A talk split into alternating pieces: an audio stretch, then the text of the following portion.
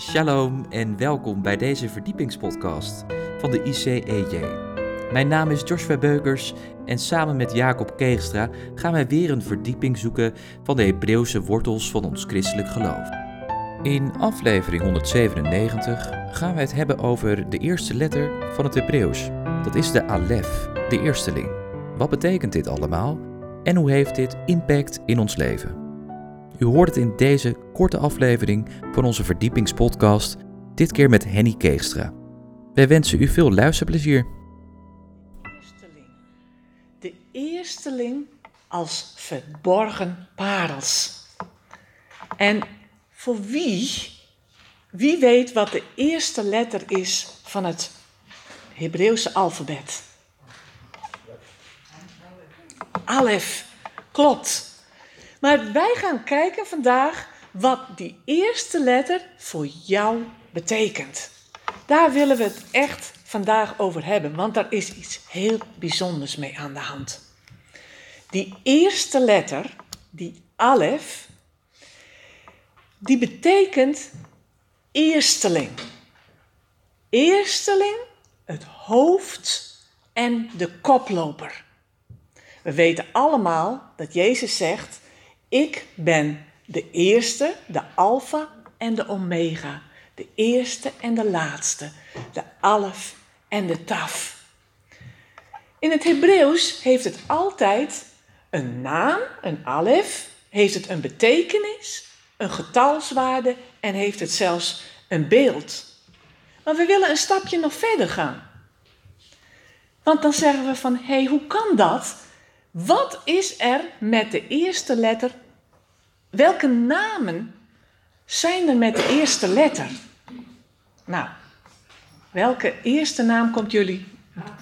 Abraham, ja. Welke nog meer? Adam. Hey, wat apart. Beide zijn, beginnen met die letter Alef. Hey, daar zit dus een diepere betekenis achter, want Adam was de eerste mens. Abraham werd als eerste geroepen naar het beloofde land. Dus in die eerste letter zit al die koploper, die eersteling. Dat zit allemaal verborgen in het Hebreeuws. Maar als we nog verder kijken, is het natuurlijk dat, wat is de naam van God? Jawel, maar als, dat is, ja, dat, daar komen we straks op. Adonai begint ook met een alef, maar ik bedoel eigenlijk Abba, daar komen we straks ook op. Elohim, de grote schepper. En ook dat begint met die eerste letter alef. Dus op de een of andere manier is de dingen die met die eerste, de Bijbelse dingen die met die eerste letter alef zijn geschreven, die zijn allemaal het hoofd. Die zijn allemaal die koploper. En dat is toch wel eigenlijk heel bijzonder. Zelfs het land, het beloofde land, is Arets. Begint ook met die eerste letter Alef.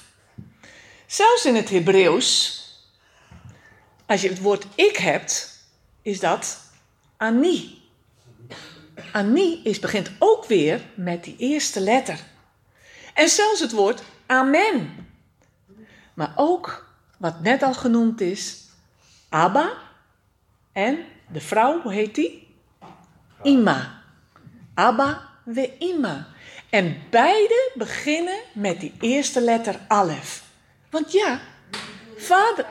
Ja, ik zal het zo even uitleggen. Want uh, die Ima, dan zeg je dat is een I. Hè? Maar hij wordt geschreven met een Alef. En die vader en moeder, die zijn immers de eersten van het nageslacht. Dus daar zijn weer die eersteling. Dan is terecht de vraag, hoe kan dat dan? We hebben enkele woorden genoemd en die beginnen met een E en met een I en met een alles. Met andere dingen, maar de alef is een klankloze letter.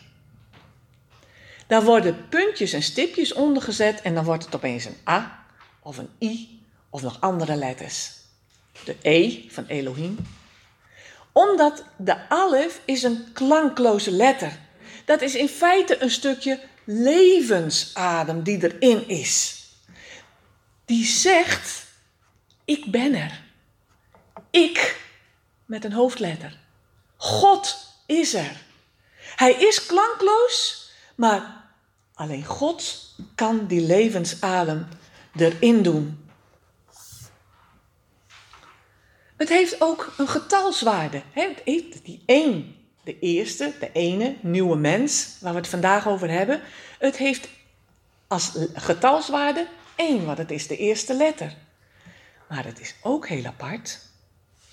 Het betekent ook, als je alef, als je zegt elf, wordt precies op dezelfde manier geschreven als alef, maar dan is het elf en dat betekent duizend. Huh?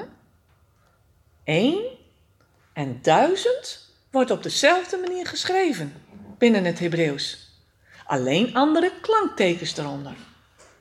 Aha, maar dan is het ook logisch als we weten dat in 2 Petrus 3 vers 8 staat dat één dag is als duizend jaar en duizend jaar als één dag. Snap je? Het is alef en elf. Het wordt op dezelfde manier geschreven. Dat zit allemaal verborgen in het Hebreeuws. Als we gaan kijken naar de alef, hoe wordt die geschreven? Dan is daar in het midden een streep en dat is de Hebreeuwse letter waf. En dan staan er twee kommaatjes in feite en dat vormt samen de alef. Dus bestaat uit twee verschillende letters, een waf en twee joets. Nou is het zo in het Hebreeuws dat er een getalswaarde zit in de letters. Dat, dat, kennen wij helemaal niet, maar dat geeft een hele rijkdom. Want als je die waf, die, de tiende, uh, die waf uh, is de zesde letter van de mens. Die heeft de getalswaarde 6. En die joet, die twee joets, die heeft een getalswaarde van 10. Als je dat bij elkaar optelt in die alf, is dat 26. En 26 is het getal van de naam van God. Hoe kan dat nou weer? Want het werd net al eventjes genoemd. Wat is de naam van God? Wordt ook Jud, He, Waf, He. Wij spreken dat wel eens uit als Yahweh of Jehovah. Maar binnen het Jodendom wordt het niet uitgesproken. Het is zo'n heilige naam, die wordt uitgesproken als Hashem, of Eeuwige, of Adonai. Maar die Jud, He, Waf, He heeft vier letters. De J, H, W, H. Als je daar weer die letters aan vastkoppelt, de Jud is een 10, de He is de vijfde letter, is 5, de Waf is weer een 6 en de He is een 5. En als je dat bij elkaar optelt, is dat ook weer 26. Dus die eerste letter van Elohim, van Adam, van Abraham, die eerste letter, heeft in zich het getal van God. Jud, He, Waf, He. Als je dat in het Hebreeuws zegt, dan zeg je Iye, Asher, Iye. Ik ben die ik ben.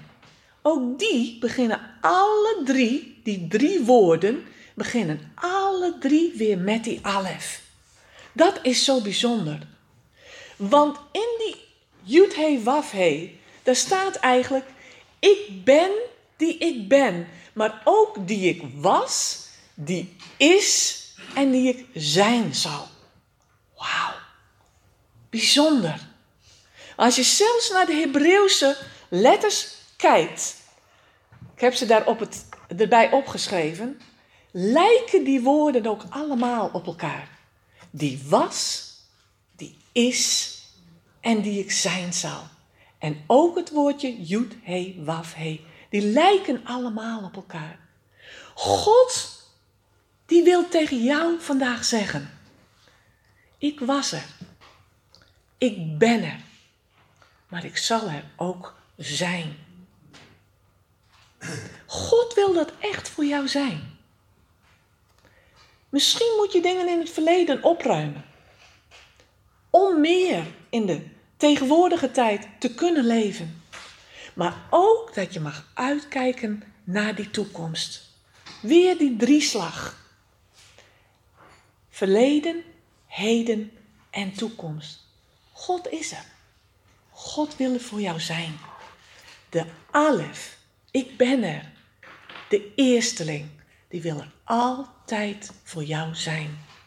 God vraagt, is de God van Israël jouw verleden, jouw heden, maar ook jouw toekomst? Bedankt voor het luisteren naar deze verdiepingspodcast van de ICEJ. Waardeert u onze podcast? Steun ons dan. Dat kunt u doen door een donatie of door deze podcast te delen met uw vrienden of familie. Meer informatie hierover vindt u op icej.nl. Volgende week volgt er uiteraard weer een nieuwe aflevering van deze verdiepingspodcast. Luistert u weer met ons mee? Ik hoop van wel. Bedankt voor het luisteren en tot volgende week.